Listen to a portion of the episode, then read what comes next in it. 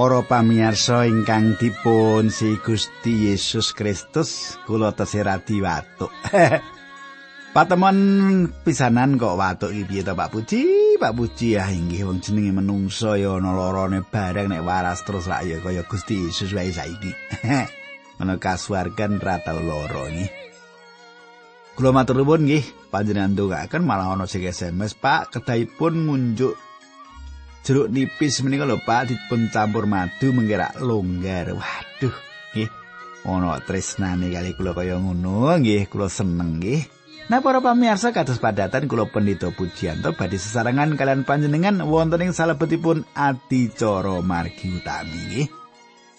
Kangge panjenengan ingkang nembe kemawon mirengaken anu adicara margi utami menika nderekaken panjenengan ngrembak kayektosan kitab suci menika ayat mboko ayat ngeten nggih per kitab nggih. Menika sampun wonten sampun dumugi kali Korinta bab gangsa nggih. Kepengker menika kali Korinta bab gangsal ayat 12 ngantos 16 nah samenika kalajengaken ayat pitulas lan selajengipun makaten nggih. Nah Para pamirsa monggo nyaket kalian kula mriki kitab suci ini digawa. Nggih aja kok ora digawa. Nggih supados saged kita mbikak sareng-sareng. Nah, sugeng miyarsakaken.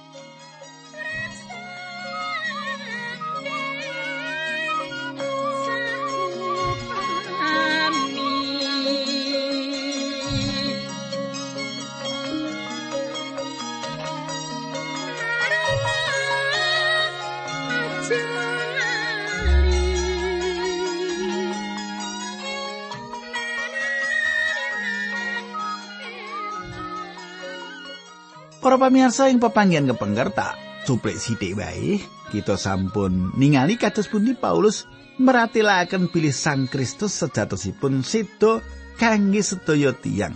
Nggih, menika sedo kangge sedaya tiyang, kangge panjenengan, kangge kula. Nah, Monggo kita ndedonga saderengipun kita lajengaken nanging kula badhe ngaturaken salam rumiyin nggih dumateng Bapak Sunardi, dumateng Bapak Wardi nggih. Menika desanipun kok Sidoarjo nggih Trowulan. nah, para pamirsa monggo kita tumunggul. Kanjeng Rama ing swarga kawula ngaturaken gunging panuwun wekdal menika kawula saged tetunggilan kalian sedherek-sedherek kawula. Kawula nyuwun berkah paduka ing wanci menika supados menapa ingkang adi paduka aturaken saestu dados lantaran ngiyataken nglipur lan ngandelaken imanipun. Linambaran asmanipun Gusti Yesus Kristus kawula netunggal haleluya. Amin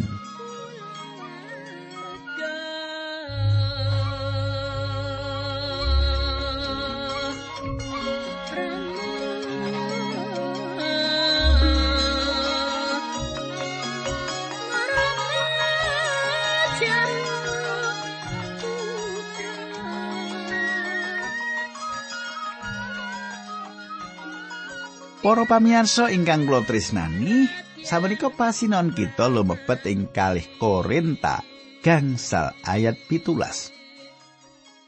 Kadang kula, ing dinten Natal kathah tiyang ngawontenaken wisata dhateng Bethlehem. Papan menika kebak tiyang menapa ingkang dipun padosi? Menapa tiang-tiang menika madosi bayi?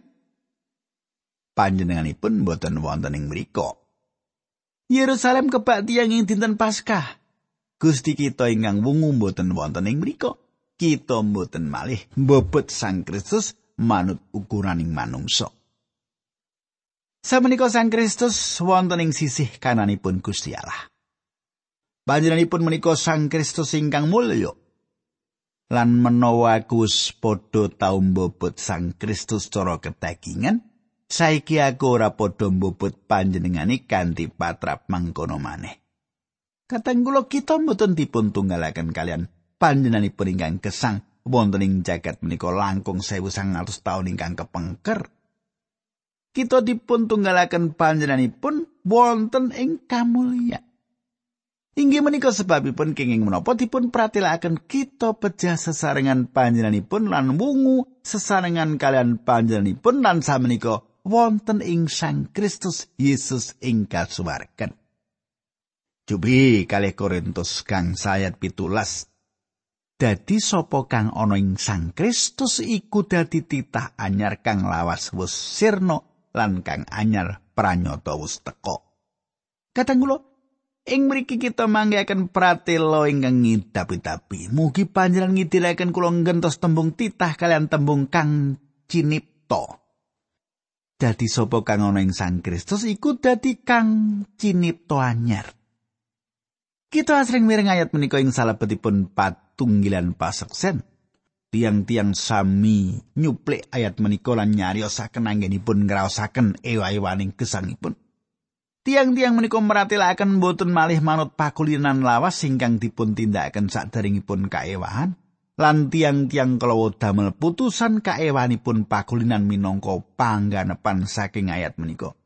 Menawi panjenengan lan kula menika ingkang kacipta enggal ing salebetipun Sang Kristus Yesus menapa kemawon perkawis-perkawis lami ingkang sampun katilaraken?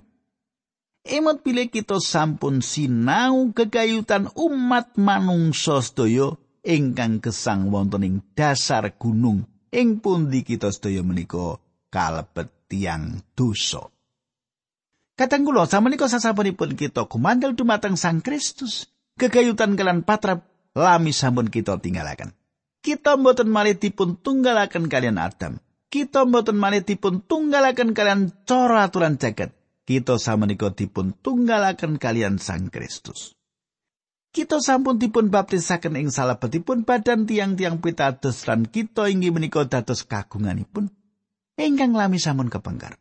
Lan ingkang inggal inggih menika kegayutan inggal kalian Gusti Yesus Kristus. Samenika kita wonten ing salebetipun kegayutan kalian Sang Kristus ingkang mulya. Kita secara gambel kemawon nyinanipun. Saged ugi panjenengan wonten pitakenan. Anu, kula mangertos ayat menika ngidapi-dapi Pak. Nanging kados pundi kula saged mangertos sawetahipun bilih kula menika titah wonten ing Sang Kristus. Panjenengan gatosaken. Menapa ingkang dados pangandikanipun Gusti Yesus menika? Panjenengan katasaken Yohanes kang sakawan iku. Satemen-temene pituturku ing kowe wong kang ngrungokake pituturku sarta pracaya marang kang ngutus aku iku duweni urip langgeng. Tuen bakal ora katut kaukum jalaran wis ngalih saka ing pati marang urip. Kadang kula menapa panjenengan pitados dumateng Gusti Yesus Kristus menapa panjenengan kumandel dumateng panjenenganipun? Menawi inggih panjenenganipun paring jaminan gesang langgeng kangge panjenengan lan panjenengan boten badhe mlebet ing salebetipun pengadilan. Panjenengan sampun uwal saking pati dan panjenengan samenika tumuju dhateng gesang. Inggih menika ingkang anda tesaken panjenengan dados titah inggal ingkang boten malih teluk ing pengadilan pati. Panjenengan sampun gadah gesang. Katanggul ampun nyubi anggelane sikap percayaan panjenengan kanthi pengalaman. Panjenengan menika titah enggal awet Gusti Yesus ngendikaken kados makaten. Landesanipun menapa? Landesanipun pangandikanipun Gusti. Panjenengan boten maletipun kualsi titah dawa ing salebetipun Adam. Tita inggal wonten ing salebetipun Sang Kristus Yesus lan panjenengan wonten ing salebetipun panjenenganipun menawi panjenengan kumandel dumateng panjenenganipun. Kumandel dumateng Gusti Yesus. Panjenengan lan kula jumeneng ing papan ingkang kathah bebaya lan cobanipun menawi panjenengan pitados dumateng Gusti Yesus. Kita saged kemawon gagal ing salebetipun menapa kemawon nanging kayektosan ingkang ngidapi-dapi inggih menika Gusti Yesus Kristus sampun nebus kita. Lan kita menika tita enggal ing salebetipun panjenenganipun. Samenika Paulus badhe ngrembak gegayutan menika. Ayat 18 lan kabeh iku pinangkani saka Gusti Allah kang lumantar Sang Kristus wis ngrukunake kita kalawan panjenengane lan kang wis masrahake ayahan karukunan iku marang aku kabeh. Kadang kula Pelatusan ngrukunaken sayektosipun inggih menika timbalan Gusti Allah dumateng manungsa ingkang kesasaring pundi kemawon. Supados sowan dumateng panjenenganipun kanthi sedaya dosanipun momotan prekawisipun kangelanipun lan rukun kalian Gusti Allah.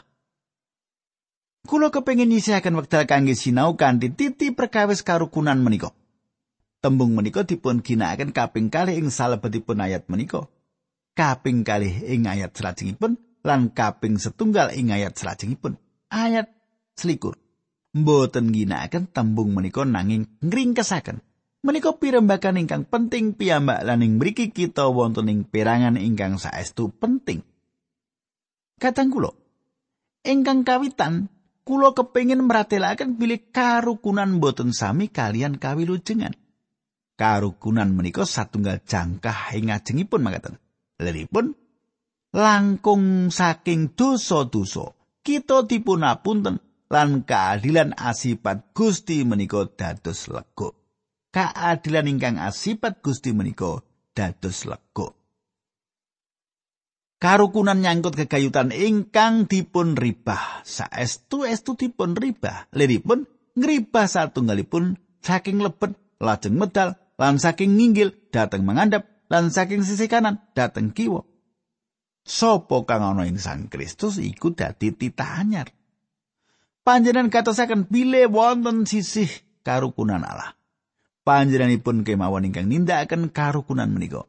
Gusti Allah lumantar Sang Kristus ngrukunake kita karo panjenengani tembung menika dipun wangsuli ing ayat salajengipun Kali Korinta gangsal ayat 19 Awit Gusti Allah lumantar Sang Kristus ngrukunake jagat karo panjenengani piyambak orang ngitang panrai lan masrahake pawarto karukunan iku marang kita kateng kula karukunan inggih menika peladosan ingkang dipun ribah sawetahipun. Nanging sinten ingkang dipun ribah sawetahipun? Gusti Allah mboten nate ribah. Panjenenganipun tetep sami kala wingi samenika lan selami-laminipun. Dipun ngendikaken bilih Gusti Allah ngrukunaken kita kalian badanipun. Awit Gusti Allah ngrukunake jagat karo sarirani awit Sang Kristus. Jagat menika ingkang dipun rukunaken. Gusti Allah sampun ngrukunaken jagat. Kita saged ningali beri jagat terus nglancengaken carane peningkang kebak dosa. Yesaya 53 ayat 6. Kita padha nglambrang kaya wedhus dewi-dewi kang kita Nanging kadang kula ing salebetipun Sang Kristus kemawon jagat dipun rukunaken kalian Gusti Allah. Lumantar sedanipun sinten? Gusti Yesus Kristus. Pelatusan karukunan ingkang ngira-miramaken inggih menika pakaryan ingkang dipun tindakaken dening Sang Kristus. Kula badhe ngaturaken perangan sare saking kitab suci kegayutan kelan perkawis menika Kolose setunggal ayat kali dosa ngantos rolikur. Kang ngrukunake samubarang kabeh karo salirane kang ana ing bumi lan kang ana ing swarga yaiku sawise ngawontenake pirukun sarana roh Gusti Kristus kang sinalip. Manggon uga kowe kabeh kang maune urip adoh karo Gusti Allah sajroning ati lan pikiranmu lumawan marang panjenengane kacihna saka penggawimu kang ala. Saiki wis dirukunake ana ing sarirane kedagingan Gusti Kristus sarana sedane supaya kowe padha tinemu suci tanpa cacat lan resik anggonmu kasowanake ing ngarsane. Kadang kula panjenengan bandingaken kalian Filipi kalih ayat kalih dosa ingkang meratelaken bilih supados ing salebetipun asma Gusti Yesus sujud sedaya ingkang wonten ing langit lan ingkang wonten ing bumi lan ingkang wonten ing sangandhaping bumi sangandhaping bumi ingkang dipun kacengaken inggih menika neraka Cupi panjenengan katosaken perangan ing salebetipun serat kolose ingkang meratelaken kekayutan karukunan namung swarga lan bumi dipun sebataken Neraka menika ingkang boten rukun kalian Gusti Allah. Sinau saben titah neraka badhe sujud dumateng panjenenganipun namung ingkang wonten swarga lan bumi ingkang dipun rukunaken. Kanthi cara menapa tiang-tiang dipun rukunaken. Cupi panjenengan semak serat kolose setunggal ayat selikur ngantos selikur. Mangkono uga kowe kabeh kang mau urip adoh karo Gusti Allah sajroning ati lan pikiranmu lumawan barang panjenengane kacihna saka penggawimu kang ala. Saiki wis dirukunake ana ing salirane kadagingan Gusti Kristus sarana sedane supaya kowe padha tinemu suci tanpa cacat lan resik anggonmu kasowanake ana ngarsane. Para pamirsa, sedanipun Sang Kristus inggih menika satunggalipun ingkang ngrukunaken jagat kalian Gusti Allah. Para pamirsa, panjenengan katosaken pilih Gusti Allah mboten dipun rukunaken, panjenenganipun mboten ewah kingsir. Nanging jagat dipun papanaken ing papan ingkang benten. Ki napa Pak Puji kok ngoten? Awit Sang Kristus sedo. Panjenengan mangertos pilih Adam dawah dosa ing Taman Eden. Gusti Allah ingkang suci mboten saged ngranggih lan milu jengaken piyambakipun. Gusti Allah kedah tumindak kegayutan kalian dosa menika. Gusti Allah kedah ngadili manungsa. Wong-wong kang nglakoni dosa iku kang kudu mati. Panjenengan saged nyemak Yeskial 18 ayat kali. Gusti Allah paring pangandikan dumateng Adam. Purwaning dumadi kali ayat pitulas. Adam panji pecah soro kasuk maning wekdal menika ugi lan sewu sangatus taun sasampunipun piyambakipun pecah secara kajasmanen. Ing wekdal piyambakipun pecah secara kasukman piyambakipun dados tiang monco lan pinisah kalian Gusti Allah. Lan piyambakipun boten saged sesambetan kalian Gusti Allah. Inggih menika kahanan jagat lan Gusti Allah kedah ngadili jagat menika. Kadang kula awit saking Kristus sedo ing ngarsanipun Gusti Allah jagat benten samenika astanipun Gusti Allah tinar buku jembar kangge jagat ingkang kesasar. Panjenenganipun paring pangandikan dumateng jagat ingkang kesasar, kowe bisa sowan marang ingsun. Tiang dosa ingkang awon piyambak sowan dumateng panjenenganipun. Samenika mboten metang sinten panjenengan. Panjenengan saged sowan dumateng Gusti. Awit Sang Kristus sampun sedo. Gusti Allah ingkang suci mboten malih ngadili kita ing pengadilan nanging panjenenganipun ngranggeh kita ingkang wonten ing ngandhap supados panjenenganipun milu jengaken tiang-tiang ingkang purun sowan dumateng panjenenganipun Gusti Yesus Kristus nanggel sedaya pengadilan menika piyambakan supados samenika jagat rukun kalian Gusti Allah. Panjenengan boten perlu nindakaken menapa kemawon kangge mimpangaken manahipun Gusti Allah. Gusti Allah mboten nenggo ing pojokan lajeng gebuk sirah panjenengan ngangge pentung. Gusti Allah mboten tuku dumateng panjenengan. Gusti Allah mboten sengit dumateng panjenengan. Gusti Allah tresnani panjenengan.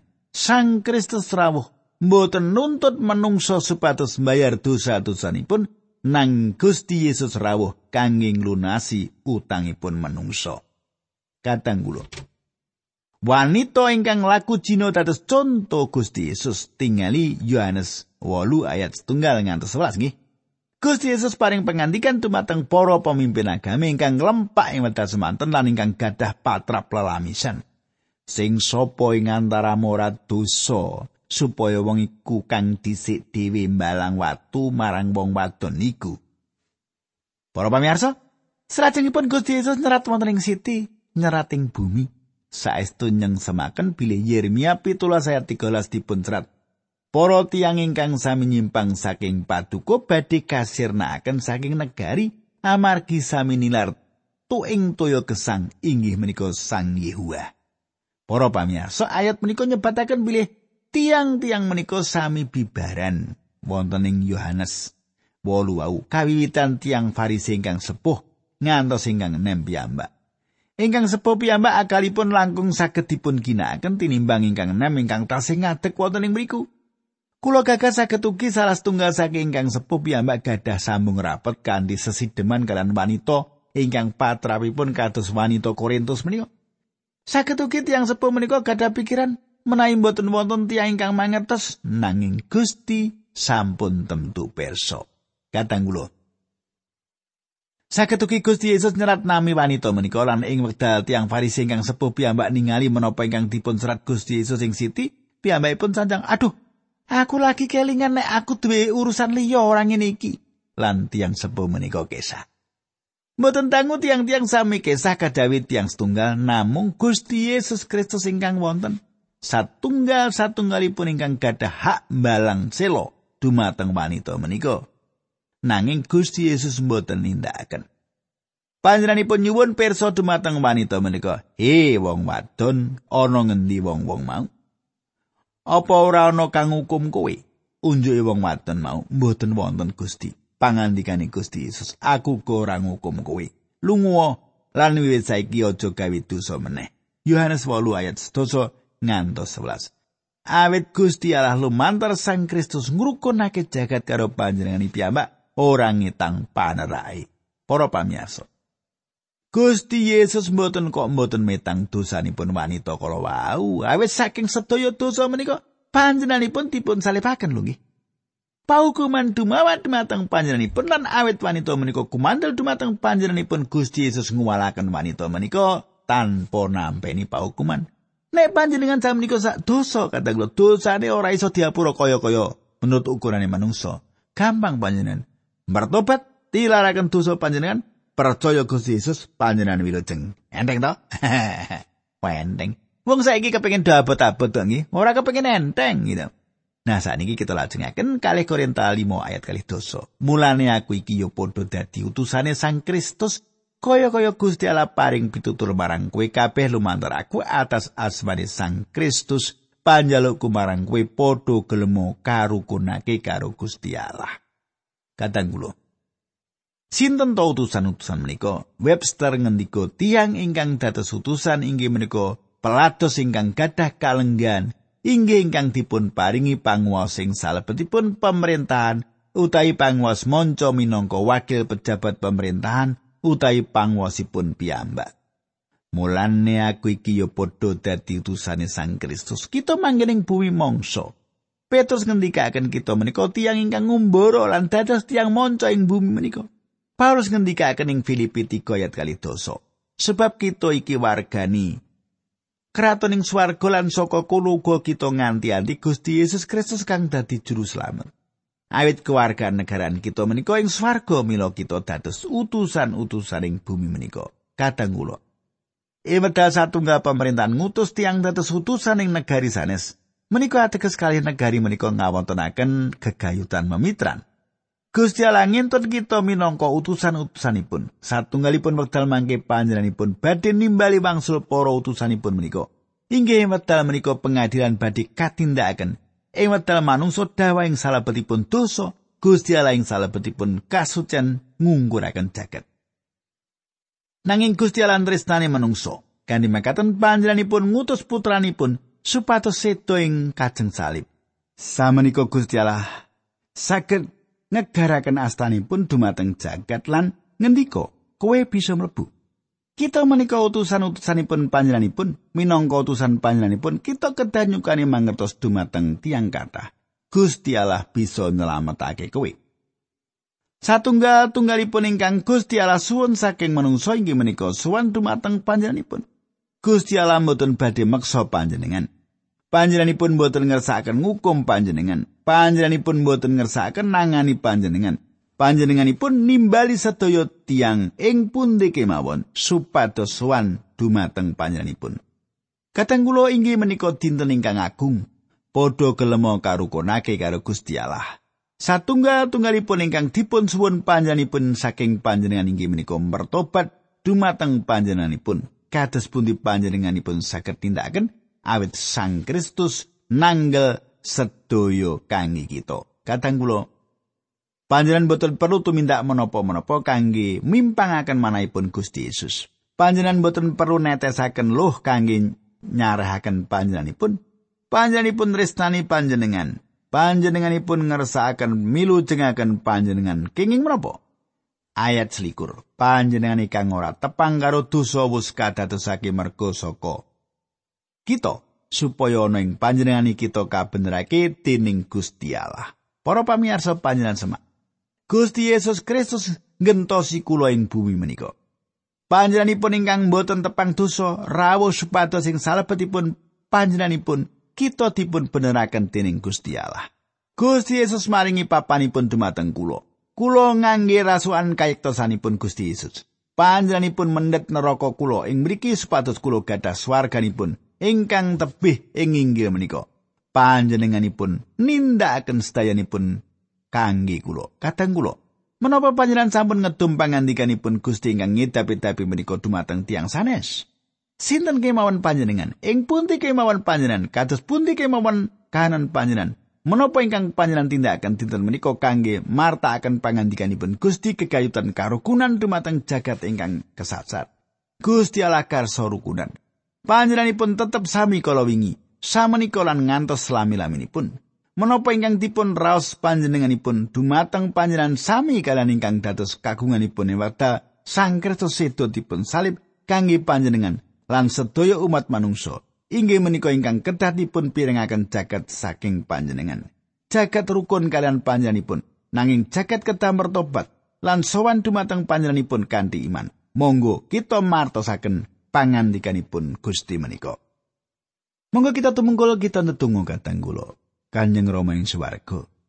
Kawula matur nuwun menawi ing wekdal menika kawula saged midhangetaken. Pangandikanipun Gusti. Paduka suci akan katerangan abdi paduka menika supados saged ngiyataken ngandelaken imanipun. Kathah cobaning gesang menika supados kiyat awit saking pangandikan paduka. Dinambaran asmanipun Gusti Yesus Kristus kawulon donga. Haleluya. Amin